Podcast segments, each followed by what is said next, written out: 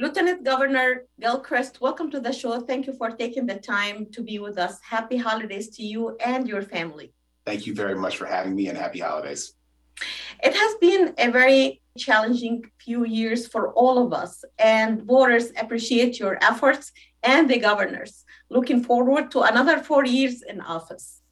We are very thankful to the people who participated in the political process and, and gave us this this this real honor and opportunity to serve for another four years. And Governor Whitmer and I are uh, we take that very seriously, and we look forward to hitting the ground running now with uh, legislative majorities in, for the Democratic Party in the state House and the state Senate. We're going to get a lot of good things done for the people of Michigan. Thank you. We want to touch on a few questions today. What are some of your major accomplishments in the past four years?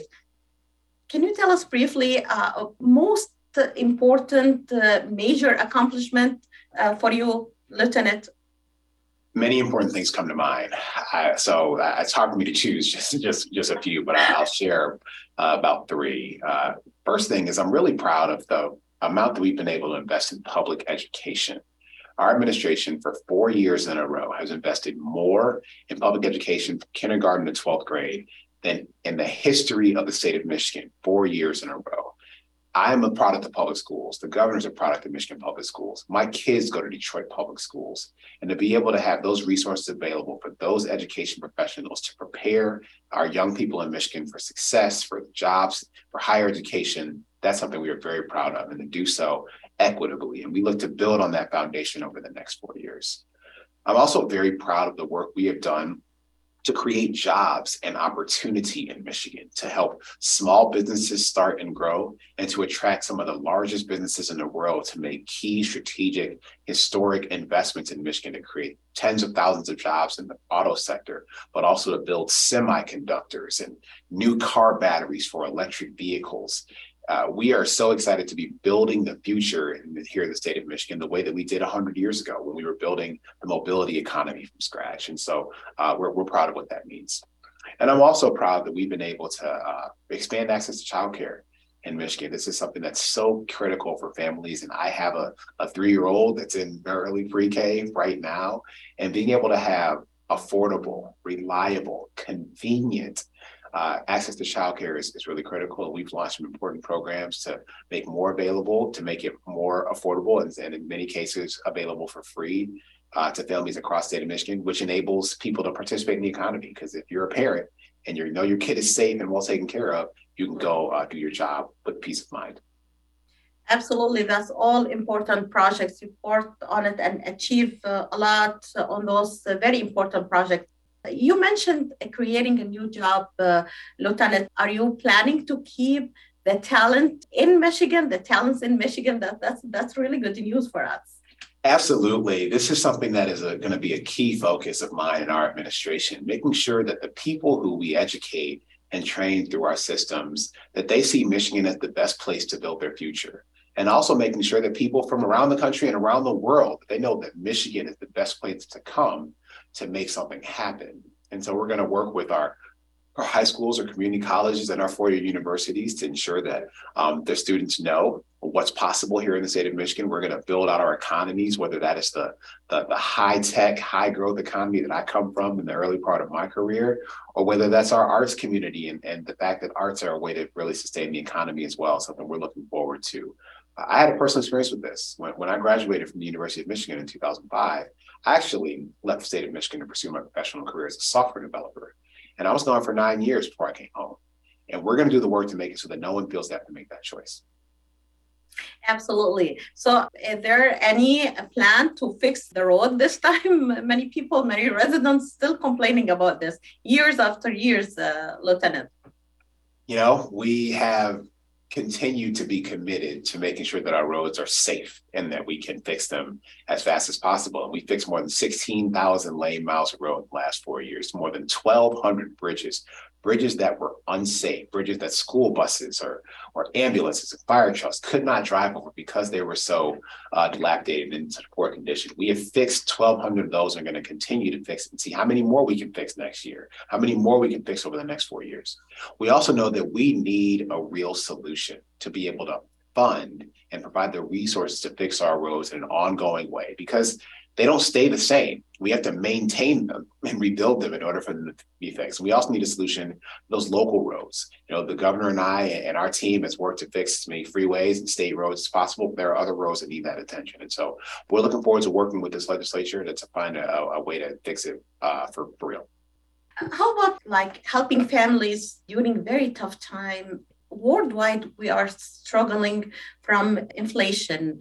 So, any plans to help families, uh, low income families, uh, sending uh, stimulus checks?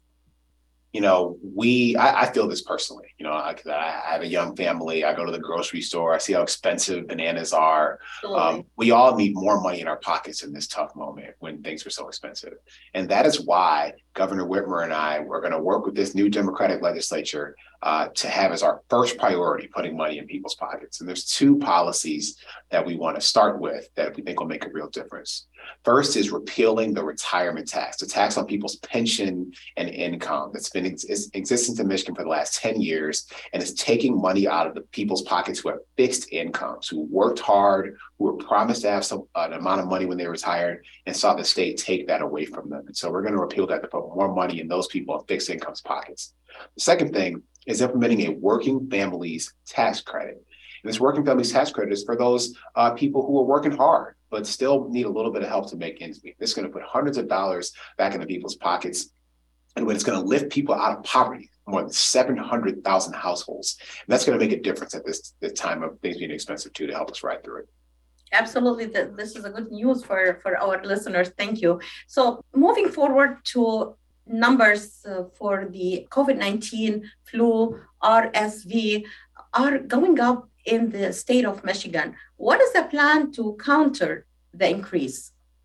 You know, we continue to pay close attention to what's happening with COVID 19 and some of the other uh, viruses, frankly, that are that are coming through our communities uh, all across the state of Michigan. And so, one, we are encouraging everyone to use the tools that we have available to us to slow the spread and, and make sure that people uh, can, even if they get COVID, to get through it. And the first thing to do is to make sure that you are fully vaccinated and fully boosted. These vaccines are very effective and they make it harder for you to get it. And if you get it, um, you're more likely to, to have only a mild case. We want everyone to take advantage of that. I am fully fully vaccinated and, and multiple boosted. My children are fully vaccinated and boosted, all three of them. My wife is as well. If this is a really important thing to do, we encourage people to know their status and they get and they get tested. Um, and there's still COVID tests available um, in for free in many, many places across Metro Detroit and all across the state of Michigan. We encourage people to do so. Those are the tools that are going to help us get through this. You know, Lieutenant, there is a really shortage right now with the with the medication. So, what are the biggest challenges being experienced this year for young children and families, and how is the state addressing? You know, we are certainly paying close we got so many we got so many complaints from uh, parents. They really fear for their children. There is a shortage for painkiller for example. So we are paying close attention to what's happening um, for for young people. And again this is personal for me. My youngest daughter is three years old and we're worried about um, her and, and her friends and her classmates and her her child care facility. You know we are looking into everything we can do to make medicines and medication more affordable and more available in the state of Michigan. That goes up to including things like the, the work we did last year to initiate a study around whether we can produce insulin in the state of Michigan, something that has become catastrophically expensive for people who depend on it for their lives. And if we can produce it in Michigan to bring that cost down, consistent with the work that the federal government has done to make insulin more affordable, um, that's going to be a life changer and it's going to save put money in people's pockets again um, all across the state of Michigan. And for our parents and, and, our, and our young people, uh, we want kids to be healthy. We want kids to have access to the medicine they need, the vaccines they need. We want uh, families to be able to make the choice to keep their kids healthy and safe. Um, and we're going to continue to pull out all the all the stops to do that. So if folks have ideas, please, please send them our way um, so we can figure out and, and, and investigate them about what we should do. So you mentioned that the state doing uh, so many projects to improve childcare. So some question came to our attention from listeners about programs would you implement to ensure that pregnant women and uh, mothers can stay a little bit more with their uh, newborn kids. Is this is there any program you can work on within this aspect, Lieutenant? Well, we think it's really important that mothers, families, mothers and fathers, or, or just whoever, families are able to spend time um, with their newborn children and that that women who are pregnant and, and, carrying children are able to have access to the best medical care uh, for prenatal and postnatal treatment.